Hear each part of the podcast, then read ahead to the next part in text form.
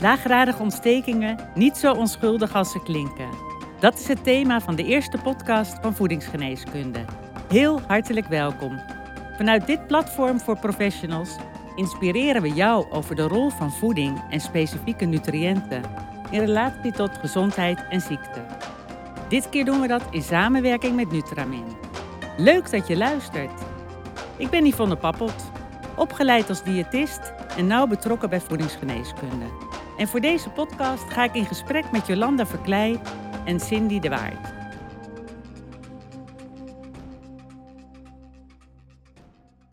Heel hartelijk welkom, dames. Leuk dat jullie erbij zijn. Jolanda, jij bent schoonheidsspecialist en epigenetisch therapeut. Je houdt je al 34 jaar bezig met de huid. Waar komt deze passie vandaan? Nou, eigenlijk vanaf jongs af aan was ik al heel erg uh, gefascineerd door die huid. En door voeding. Um, maar ik vroeg mij eigenlijk altijd af waarom veroudert de ene persoon sneller dan de andere persoon? En waarom krijgt de ene persoon acne of eczeem en de ander juist weer niet? Voeding, dat was eigenlijk altijd iets wat ver van ons vak lag. We zijn, waren eigenlijk altijd heel erg bezig met uh, de buitenkant en niet zozeer met die binnenkant. We wisten altijd wel dat bijvoorbeeld roken versnelde huidveroudering in de hand werkte door de vrij radicaalvorming. Maar eigenlijk, ehm, die binnenkant, ja, daar, daar gingen we pas jaren later mee aan de slag. En ik denk dat dat zo'n 14, 15 jaar geleden is ontstaan. Toen waren we echt nog een roepende in de woestijn. Maar toen werd dus ook echt die binnenkant belangrijk en werd ook de relatie tussen huid, verbetering uh, en voeding ook in kaart gebracht. Dankjewel, uh, Jolanda. Cindy, jij bent farmaceutisch wetenschapper en natuurgeneeskundige. Jij doet online aan dit gesprek mee vanuit Italië. Vertel daar eens iets meer over uh, en waar houd jij je zo al mee bezig? Ja, dat is ook nog wel een leuk uh, verhaal. Mijn man die is uh, Italiaan, maar die kan in Nederland niet zo goed aarden. Dus hij wilde graag weer terug naar Italië. Alleen ik wil graag in Nederland werken, want ik denk dat er in Nederland nog een hoop te doen is op het gebied van de complementaire zorg. En daarom reis ik nu heel veel heen en weer tussen Nederland en Italië. En ik heb een tijdje in het lab gestaan en ik heb toen uh, onderzoek gedaan naar interacties tussen kruiden en oncolytica. En uh, ook de effecten van prebiotica op sociaal gedrag onderzocht. Maar nu sta ik dus niet meer in het lab, maar hou ik me bezig als tekstschrijver voor verschillende vakbladen. Uh, ik werk als docent aan twee opleidingen voor orthomoleculaire therapie. En ik heb een praktijk gespecialiseerd in darmgezondheid, waar ik mensen met eigenlijk uiteenlopende klachten behandel die een oorsprong hebben in de darm. Een bijzonder verhaal, uh, Cindy. Uh, dank jullie wel. Leefstijl en voeding krijgen steeds meer aandacht uh, en de rol van specifieke nutriënten blijft vaak nog onderbelicht. En dat is waar, waar we vanuit voedingsgeneeskunde aandacht aan besteden, naast natuurlijk voeding en leefstijl. In deze podcast staat het thema chronische inflammatie centraal. Ja, we noemen het ook wel laaggradige ontsteking of low-grade inflammation.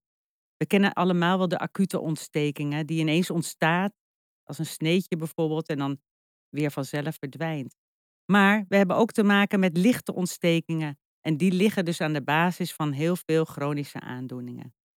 Op het Voedingsgeneeskundecongres vorig jaar stond het thema ook centraal. En in deze podcast nemen we jullie als luisteraars mee in een zoveel mogelijk praktisch verhaal ja, wat is het? Wat kunnen de gevolgen zijn? Met specifieke aandacht voor de darm en de huid. En vooral wat de mogelijke aanpak is met voeding en natuurlijk met specifieke nutriënten. Ja, chronische inflammatie is met het blote oog niet zo eenvoudig te zien. Eh. Maar hoe ken je chronische inflammatie? Eh, Cindy, kun jij daar iets over zeggen? Ja, dat is inderdaad, zoals je zegt, lastig om met het blote oog zo uh, te zien, omdat het zich ook bij iedereen anders uit. Dus er is niet echt een vast beeld wat je ziet bij mensen met uh, chronische inflammatie. In de praktijk kijk ik naar uh, het huidige klachtenpatroon en dan ook in relatie tot de uh, ziektegeschiedenis. Dus je ziet patronen en klachten die zich kunnen gaan verdiepen gedurende de tijd. En een, een bekend voorbeeld daarvan is bijvoorbeeld de allergische mart, die veel mensen wel zullen kennen. Bij kinderen op jonge leeftijd hebben ze die hebben eerst last van eczeem en dan ontwikkelen ze een voedselallergie. En dan zo rond de puberteit dan ontstaat er hooikoorts en dan een stap daarna ontstaat er allergische astma. En zo zie je dat klachten zich gedurende het leven steeds meer gaan verdiepen En het lichaam ook steeds meer in een ontstekingsstaat komt, waarbij laaggradige ontsteking dus een rol gaat spelen. En is dat dan ook te meten? Uh, ja, dat kan wel, maar dat is ook weer een beetje afhankelijk van hoe het zich uit, wat je wil gaan meten. En omdat ik werk met darmgerelateerde problemen, doe ik wel geregeld uh, een ontlastingsonderzoek. Dan kun je bijvoorbeeld uh, met alpha-1 antitrypsine en calprotectine iets kun je meten wat de ontstekingsgraad is in de darm.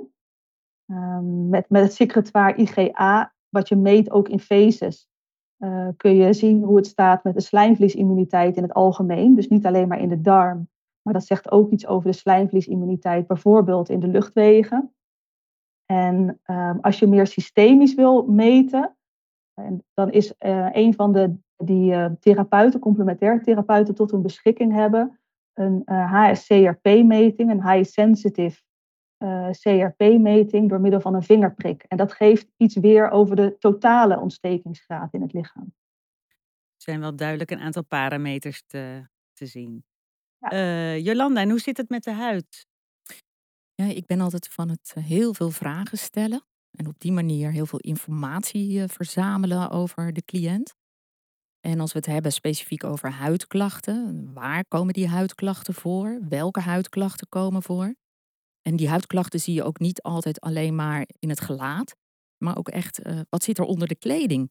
Als we het hebben over psoriasis, dan zien we dat ook vaak op de bovenarmen, op de knieën of op de ellebogen. Uh, hoe lang bestaan die huidklachten is een belangrijke vraag. Is er sprake van vermoeidheid? Hoe is het met de slaap? Hoe is het met de stoelgang? En daarnaast hanteren wij een mooie tool, dat is het maken van een huidecho. En dan kijken we als het ware door de huid heen. Dan kunnen we dus de opperhuid, de dermis, de lederhuid en het onderhuidsbindweefsel in kaart brengen. En kunnen we dus op die manier ook zien hoe de integriteit van de verschillende huidlagen zijn. En als we het hebben over huidklachten, dan zien we dus heel vaak dat de epidermis, de integriteit van die epidermis, die opperhuid, dat dat vaak te wensen overlaat. En wat we vaak ook zien op die huidecho's, is dat er bijvoorbeeld een tekort aan collageen is of dat het onderhuidse bindweefsel verslapt is. Nou, zo'n huidecho, dat herhalen we dan weer na een half jaar. En dan kun je dus ook heel mooi monitoren wat er is gebeurd in die huid het moment dat mensen hun lifestyle, hun voeding en lifestyle hebben aangepast en dat hebben aangevuld met de juiste voedingssupplementen. Ja, interessant die, uh, die huidecho. Uh, ja, we, zien dus dat onderzoek ons heel veel belangrijke informatie kan geven. Naast een hele goede, uitgebreide anamnese.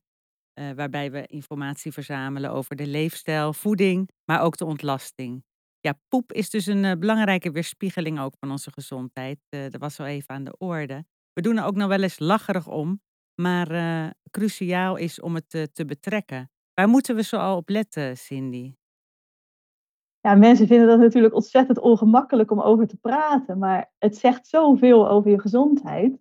Het dierenartsen kijken er ook naar. Hè? Als een ziek dier bij een dierenarts komt, dan uh, kijkt hij in zijn bek. Dat geeft iets weer uh, over de mondgezondheid. Er wordt naar de vacht gekeken of die mooi glanst. En er wordt gevraagd hoe ziet zijn ontlasting eruit. Want als de ontlasting er niet goed uitziet, dan weet je dat er iets misgaat in het lichaam. Nou, wij kunnen dat ook met onze eigen ontlasting. Wij kunnen daar naar kijken. Um, we kunnen kijken hoe vaak ga je naar het toilet en gaat dat makkelijk en zonder buikpijn. Uh, je kunt iets zeggen over de geur.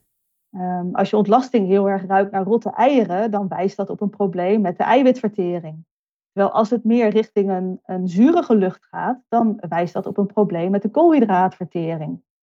Nou, zo heb je ook nog hoeveel toiletpapier heb je nodig, of blijft je ontlasting drijven.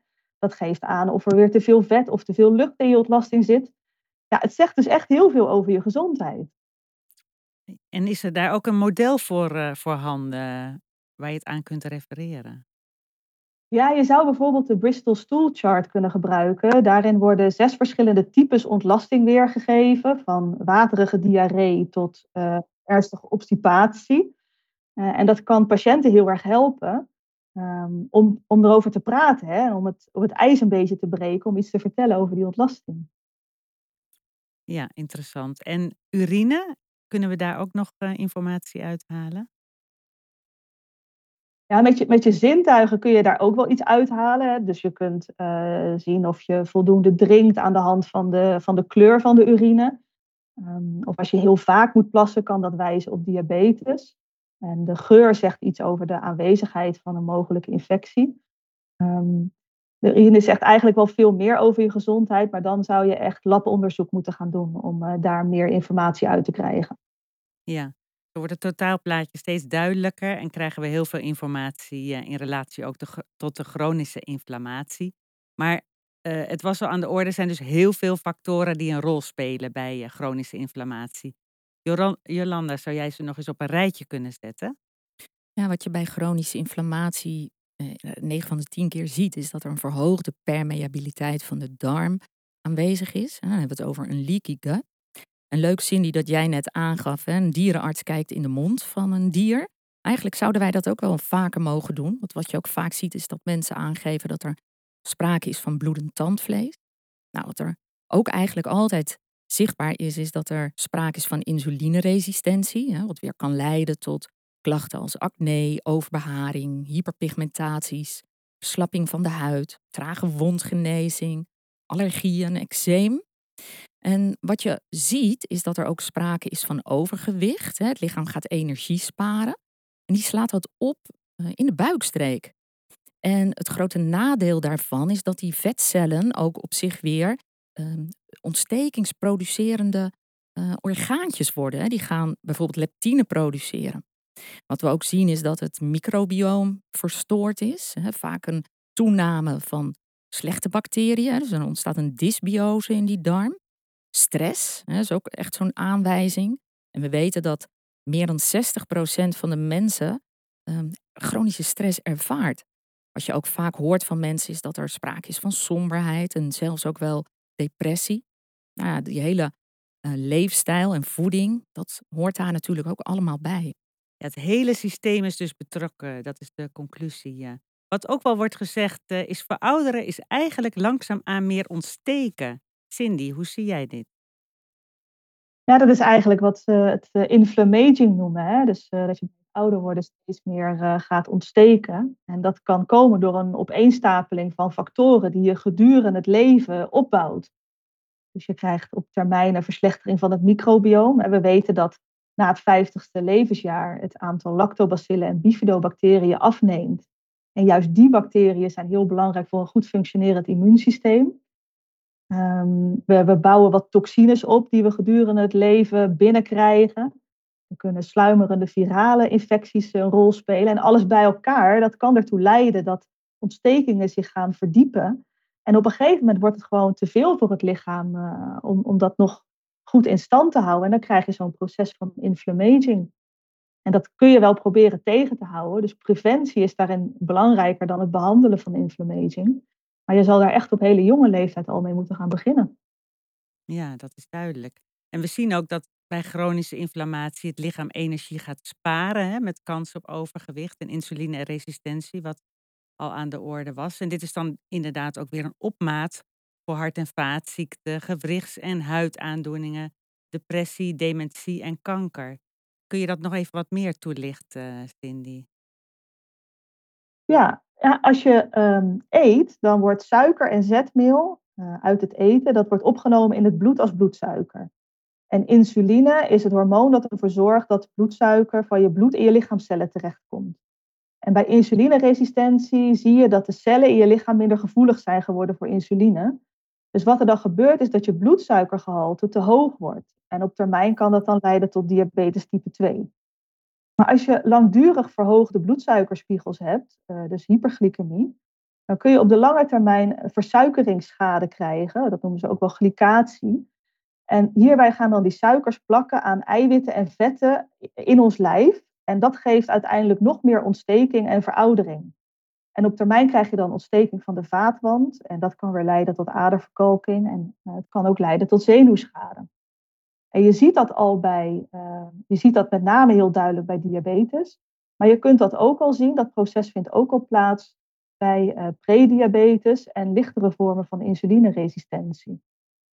En um, nou ja, Jolanda zei ook al dat uh, overgewicht daarin een hele belangrijke factor is. Maar ook een ongezonde leefstijl, dus ongezond eten, weinig lichaamsbeweging, onvoldoende slaap en veel stress, uh, kan insulineresistentie in de hand werken. En het is dus niet alleen maar zo dat mensen met overgewicht insulineresistentie kunnen hebben, ook mensen met een gezond gewicht kunnen daar last van hebben. Ja, misschien is het wel leuk om dit ook te illustreren aan de hand van een voorbeeld. Uh, Jolanda, heb jij een voorbeeld uh, voor ons als luisteraar? Ja, ook grappig dat jij dat zegt. Hè? Die glycatie, die uh, suikers die gaan binden aan eiwitten, dat zien we dus ook heel mooi in de huid. Hè? Rimpelvorming is ook een vorm van glycatie, waarbij de suikers gekoppeld zijn aan het collageen in de huid.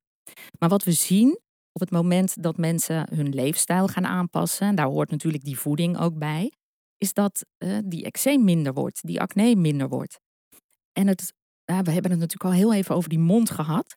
Het mooie is dat mensen die ook onder behandeling zijn van een mondhygiënist en aan de slag zijn gegaan met betere voeding, voedingssuppletie en die hele leefstijl aanpassen, dat zij dan terug horen van de uh, mondhygiënist van goh, hè, wat ben je aan het doen? Want ik zie dat jouw tandvlees zoveel gezonder is en niet meer bloedt.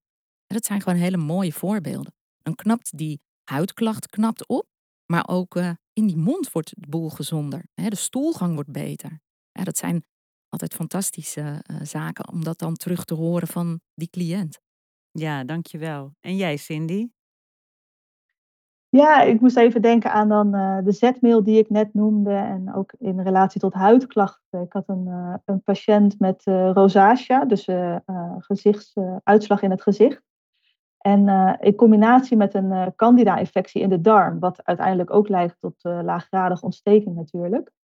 En um, die heb ik, je denkt dan al snel bij candida-infectie aan koolhydraatarm en zetmeelarm voedingspatroon. Maar bij echt ernstige infecties moet je eigenlijk ook nog wel een stapje verder gaan. Um, en ik heb daarbij samen wat suppletie ingezet. de oregano-olie, uh, gestandaardiseerd op carvacrol. Dat is een van de stoffen in, uh, in de etherische olie, uh, die heel sterk antimicrobieel werkt. En in combinatie met caprilzuur, dat is een, een stof uit kokos, die ervoor zorgt dat het membraan van die candida verstoord wordt, waardoor die zich niet goed meer kan delen. En dat zorgde er eigenlijk voor dat ehm, na een aantal weken in ieder geval de darmklachten minder werden en op termijn ook die rosacea in het gezicht afnam. Ja, dankjewel, uh, Cindy. Ja, zo zijn er natuurlijk nog veel en veel meer voorbeelden te noemen, maar we hebben beperkte tijd. En kan het ook zo zijn dat uh, als iemand jarenlang met een laaggradige ontsteking rondloopt, er ineens een ziekte ontstaat? Ja, ik weet niet of je dat zo moet zien. Hè. Het is altijd een combinatie van uh, genen, voeding, hè, leefstijl en omgevingsfactoren die zich opstapelen en zo leiden tot een laaggradige ontsteking. En dat sluimert vaak al wel heel lang, maar we luisteren niet goed naar onszelf. Uh, en we merken het dan pas als het allemaal te veel wordt. Maar het lichaam geeft vaker al wel uh, langer signalen af dat er iets niet goed gaat. Ja, wat je vaak ziet, is dat er opeens een luxerend moment is in het leven. Dus een heftige gebeurtenis. De klacht ligt al in het lichaam. Uh, maar dan komt het echt tot uiting op het moment dat dat luxerende moment heeft plaatsgevonden, die heftige gebeurtenis. Ja, dank jullie wel. En uh, goed om nu wat meer op de voeding in te gaan zoomen. Was bijvoorbeeld op het voedingsgeneeskundecongres vorig jaar. Ging uh, ook over chronische inflammatie. En daarbij sprak diëtist Wendy Walrabenstein over haar eigen onderzoek naar puur plantaardige voeding bij reuma. Ik was echt onder de indruk van de resultaten, want nou ja, haar onderzoek loopt nog, maar zij gaf aan uh, dat vegetariërs 55% minder risico op hypertensie hebben en 50% minder risico op diabetes. En voor veganisten dalen die risico's naar respectievelijk 75 en 60 procent. Het zijn natuurlijk behoorlijke percentages. Uh, hoe zien jullie dit? Uh, moeten we inderdaad allemaal op het vegetarische dieet om uh, ja, in te spelen op de chronische inflammatie. Ik ben benieuwd naar jullie mening. Ja, ik snap dat wel. Eh, veganisten, vegetariërs, hè, als ze eenmaal besluit, besloten hebben om veganistisch of vegetarisch te gaan eten. Wat je dan ziet, is dat mensen vooral veel bewuster gaan eten. Gaan veel minder bewerkte voeding eten en veel meer groenten en daarmee dus ook veel meer vezels. En die vezels die zorgen ervoor dat er weer ontstekingsremmende stoffen in de darm geproduceerd worden. Denk bijvoorbeeld eens aan butyraat. Maar toch is het lastig om op lange termijn een veganistisch of vegetarisch voedingspatroon um, ja, vol te houden en daarmee ook heel gezond te blijven. Want wat je toch ziet is dat we op termijn die dierlijke aminozuren tekort kunnen komen. Ik had het al even over die uh, huidscans die wij maken. En ik heb eigenlijk in de afgelopen twaalf jaar dat ik huidscans maak, nog nooit een goede scan gezien met voldoende collageen, dat is wat ik dan bedoel, bij een vegetariër of een veganist. Dat is opvallend. Uh, Cindy, wat is jouw idee uh, over het vegetarische of veganistische dieet? Ja, ik denk zelf dat uh, vegetarisch dieet op de lange termijn wel volwaardig kan zijn. Maar ik denk dat het met veganistische diëten ook moeilijk is om dat op de lange termijn gezond te houden. En ik denk inderdaad wat, wat Jolanda zegt, dat wat je ziet is dat als mensen vegetarisch gaan eten of veganistisch gaan eten, dat hun voedingspatroon in principe gezonder wordt. Dus het, meer, het, bevat minder ontstekingsbevorderende voeding. En het gaat, als het goed is, meer groenten en dergelijke bevatten. En dat heeft natuurlijk wel enorme gezondheidsvoordelen. Alleen, je ziet ook dat uh, eiwitten heel belangrijk zijn. En die kunnen wij als mens het beste halen, uh, kwalitatief hoogwaardige eiwitten, uit dierlijke bronnen, waaronder eieren, uh, maar ook vlees. Dus ik denk wel dat er wat nuance zit in die, ehm, in die conclusie. En dat we niet allemaal maar op een uh, veganistisch dieet moeten. Nee, en we hoeven ook niet uh, elke dag natuurlijk een uh, stuk biefstuk weg te knagen. Hè? Dat is het helemaal niet. Nee, dat hoeft natuurlijk zeker niet, nee. De juiste balans. Nou is er ook de, de nieuwe rage van het lectinevrije dieet. vanwege het vermeende effect dat lectines pro-inflammatoire zouden werken. Kunnen jullie daar iets over zeggen? Ja, ik denk dat ook daar de nuance weer, weer uh, belangrijk is. Want aan de ene kant, lectines zijn ook een beetje een soort van tweesnijdend zwaard. Ze kunnen positieve effecten hebben. Maar we weten ook dat ze eh, in de darm bijvoorbeeld wat negatieve effecten kunnen hebben. En um, je ziet bij uh, mensen die, die, zeker in Aziatische landen, waar heel veel pulvruchten gegeten worden, want daar zitten dan veel van de lectines in, dat die eigenlijk anders worden klaargemaakt dan wat wij hier in Nederland gewend zijn. Ze worden heel lang um, in het water gezet om te weken en vervolgens worden ge gekookt en vaak nog een keer dubbel gekookt. En dan gaan die schadelijke, schadelijke lectines, uh, die verdwijnen dan en dan uh, ja, zijn ze beter voor je gezondheid dan zoals wij het doen, alleen maar één keer koken. Soms zelfs te kort koken. Ja, ja en, uh, weet je, het heeft altijd weer, een medaille heeft altijd twee kanten. Ja, misschien is het goed om uh, de belangrijkste voedingsadviezen nog even samen te vatten en op een rijtje te zetten. We hebben best al een hoop besproken zo uh, de laatste tijd, maar misschien uh, goed om dat nog even samen te vatten. Ja, zoveel mogelijk onbewerkte voeding is belangrijk. En ontstekingsremmende voeding, ongeraffineerd en voldoende eiwitten.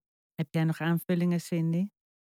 Ja, bij ontstekingsremmende voeding, hè, dan denk je aan uh, voldoende groenten, um, kleurrijk eten. Dus, en dan bedoel ik uh, verschillende kleuren groenten, want dan krijg je zoveel mogelijk verschillende fytonutriënten binnen die ontstekingsremmend werken. Die zijn vaak rijk aan antioxidanten. Die kwalitatief goede eiwitten die Jolanda net noemde. Maar variatie is ook heel erg belangrijk. En dat vinden heel veel mensen moeilijk. Uh, dan hebben ze één vast ontbijtje, want dat is lekker makkelijk. Maar als je nou al drie van die simpele ontbijtjes kiest en uh, drie dagen iedere keer een ander ontbijtje uh, neemt en dat zo rouleert, dan heb je eigenlijk stiekem al heel veel variatie aangebracht. Dan krijg je heel veel van die verschillende gezonde stoffen binnen. Jolande, je hebt ook nog een boek meegenomen. Kun ja. je daar iets uh, over zeggen in aanvulling op deze adviezen? Ja, vorig jaar kwam ik een boek tegen van Barbara Baarsma. Zij heeft een boek geschreven met als titel Nederland Voedselparadijs. En zij beschrijft daarin hè, hoe, de voedsel, hoe het voedsel in Nederland geproduceerd wordt. En daar kwam ik een overzicht in tegen, waarin aangegeven wordt wat de terugloop in mineralen, vitamine en spoorelementen in de afgelopen 50 jaar is geweest. En dat overzicht, daar werken wij al jaren mee om aan te geven aan mensen van, goh, hè, als je vroeger een eh, broccoli at, um, hoeveel minder magnesium bijvoorbeeld in die broccoli zit ten opzichte van 50 jaar geleden. Dus dat is een echt een aanrader, dat boek.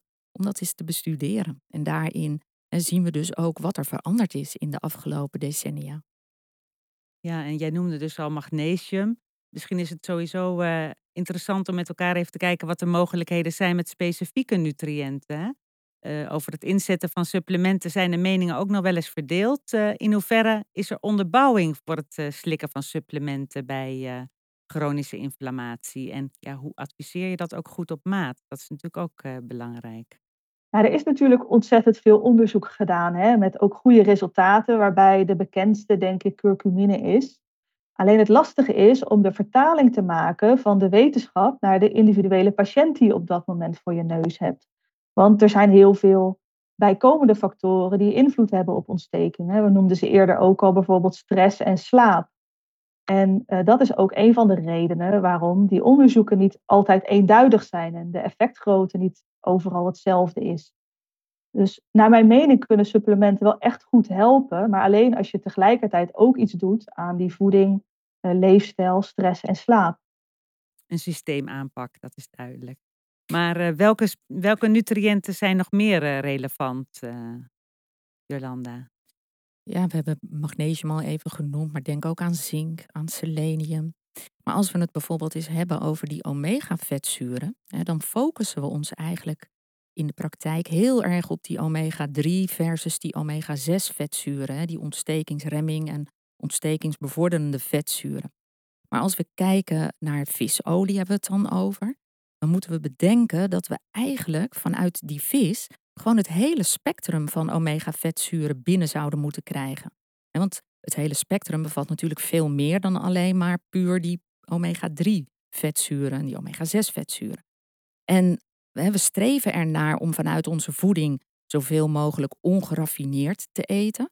En dat zouden we dan, als we het hebben over een visolie, ook het liefst doen met een ongeraffineerde visolie die gewoon dat hele spectrum bevat. Zoals het van nature ook in de natuur in die vis voorkomt. En want al die omega-vetzuren die hebben weer een specifieke werking op het lichaam. Ja, en qua ja, het is wel interessant dat je dat zegt, hè? want sorry als ik eventjes daarop in mag haken. Ehm, je ziet ook in de studies, um, we, we, hebben heel erg de neiging om te gaan standaardiseren op één bepaalde stof. Hè? Met, uh, met de omega-3 vetzuren zijn dat dan de EPA en de DHA. Uh, met de curcuma willen we standaardiseren op curcumine. Maar er zit natuurlijk nog veel meer in um, zo'n voedingsmiddel, wat ook gezondheidseffecten kan hebben. En je ziet weer een beetje zo'n beweging terug ontstaan in de wetenschap, waarin we ook weer gaan kijken naar de totaalextracten. En dat dus inderdaad ook die andere bijkomende stoffen in visolie een rol spelen in, uh, in hun gezondheidsbevorderende effecten. Ja, en wat betekent dat voor de doseringen? Ja, voor de doseringen is het um, afhankelijk van wat voor product je dan gebruikt. Hè. Hoe sterk het extract is, uh, hoe sterker een extract is, hoe lager je in principe zou kunnen gaan doseren. Maar dat betekent ook vaak dat het bijwerkingenprofiel van zo'n product gaat veranderen. En is er ook iets te zeggen over contra-indicaties? Ja, contra-indicaties is heel lastig om in het algemeen iets over te zeggen, omdat contra-indicaties, dat verschilt heel erg uh, is heel erg afhankelijk van uh, de, de, achtergrond van je patiënt, wat voor medicatie er al gebruikt wordt. Um, dus je moet wel altijd goed kijken um, of het, of het kruid of het supplement wat je wil adviseren past bij de cliënt die je voor je hebt. dus altijd ook interacties nakijken met, met medicijnen. En, en zeker ook de behandelend arts informeren over supplementengebruik. Dat is belangrijk. Ik las uh, verder dat in 2022, 2021 verscheen meta-analyse ook melatonine werd genoemd uh, vanwege positieve gezondheidseffecten bij uh, het verminderen van chronische inflammatie. kunnen we daar iets mee in de praktijk? Ja, ik heb het ook gelezen dat melatonine inmiddels heel goed onderzocht is en dat daar ook nog steeds onderzoeken naar lopen. En wij dachten altijd, hè, melatonine, of dat denken heel veel mensen, melatonine. En dan denken we meteen aan slaap. En daar wordt het natuurlijk ook uh, heel goed voor ingezet. Maar daarnaast is melatonine ook een heel sterk antioxidant, waardoor we uh, ook weer minder verouderen. We versterken het immuunsysteem met melatonine. En het schijnt dus ook heel goed te werken bij PDS en bij constipatie. Daarnaast is inmiddels ook onderzocht dat het de insulinespiegels ook heel mooi kan uh, reguleren. Ja. Ja. Zo hebben we al Ja, het werkt, het werkt ontstekingsremmend. Hè? Dus, ehm, en het werkt met name ontstekingsremmend via het interleukine 6 en 8. En dat zijn sterk ontstekingsbevorderende uh, cytokinen. En die spelen een rol bij, bij een scala aan ontstekingsziektes. Hè? Dus van tandvleesontsteking tot leververvetting en colitis ulcerosa. Dus dat, um, dan zou je melatonine in kunnen zetten. Zeker als dat samengaat met slaapproblemen. En we weten dat de melatonine aanmaak uh, op latere leeftijd afneemt. Dus dan zie je al snel een patiënt voor je, een wat oudere uh, patiënt met laaggradige ontsteking, met slaapproblemen waarbij melatonine heel goed kan worden ingezet. Ja, zo hebben jullie een aantal uh, interessante stoffen de revue laten passeren in relatie tot chronische inflammatie. Maar het is niet eenvoudig om een goed product te kiezen als je voor zo'n schap staat met supplementen. als professional uh, uh, adviseren is, is, is één, maar ook als consument keuze maken in, in de winkel of online. waar moeten we op letten? Ja, in eerste plaats zou ik altijd iedereen willen adviseren: laat je heel goed informeren door een professional. Um, en ga niet zelf voor een schap staan en uh, trek er wat uit. Um, wat belangrijk is, is dat we kijken naar de herkomst van de ingrediënten in een voedingssupplement. Ook naar de dosering en vooral ook in relatie tot de klacht waarbij je het wil inzetten. Ik vind het belangrijk uh, dat we altijd kijken ook van, bevat het product natuurlijke ingrediënten? En we willen ook dat er zoveel mogelijk uh, ja, die bijstoffen, die vulmiddelen, uh, dat dat ook zo min mogelijk in een product voorkomt. Cindy, heb jij daar nog iets op aan te vullen? Um, ja, ik denk inderdaad dat hulpstoffen belangrijk zijn en dan de organische verbindingen van mineralen en de vitamines zoals in het lichaam voorkomen. En bij kruiden is het belangrijk dat er ook iets staat over de extractiemethode of de, de sterkte van een extract. Dat wordt nog wel eens niet vermeld. Maar alleen dan kun je iets zeggen over of de dosering die je inneemt zinvol is. Dus en dat moet je ook terug kunnen vinden op het etiket. Ja, goed lezen uh, van het etiket is uh, belangrijk en we moeten kritisch zijn. Ja, uh, we komen zo langzamerhand uh, aan het eind van deze podcast. De conclusie is dat er, dat er geen standaard behandelprotocol is hè, bij chronische inflammatie. Maar wel dat we heel veel winst kunnen behalen in de aanpak van, uh, van de verschillende risicofactoren. En het betreft altijd een systeemaanpak. en ja, daarbij is wel een hele belangrijke rol weggelegd voor voeding en specifieke nutriënten. Ter afsluiting wil ik jullie vragen, dames, Cindy, of jij een boodschap nog hebt aan de luisteraar uh, die je belangrijk vindt nog om mee te geven? Nou, ik denk dat het belangrijk is om te beseffen dat we doen allemaal wat we kunnen. Niemand die eet uh, expres heel ongezond. Dus ik denk dat we vooral lief voor onszelf moeten zijn en weer moeten leren om naar ons lichaam te luisteren. Want dan trap je op tijd op de rem.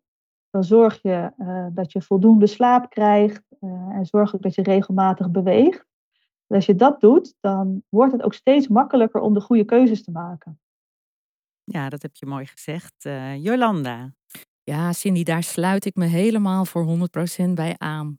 Wat ik nog wel even mee zou willen geven, als de luisteraars meer informatie zouden willen, dan kunnen ze ons mailen op info.nutramin.nl. En onder de aanvragers uh, willen we 10 vrijkaarten verloten voor ons congres op 21 mei in Zeist. En deze actie die loopt tot eind april. Dankjewel. Nou, namens voedingsgeneeskunde en Nutramin uh, wil ik jullie Cindy en Jolanda heel hartelijk bedanken voor dit mooie gesprek wat we hebben gehad.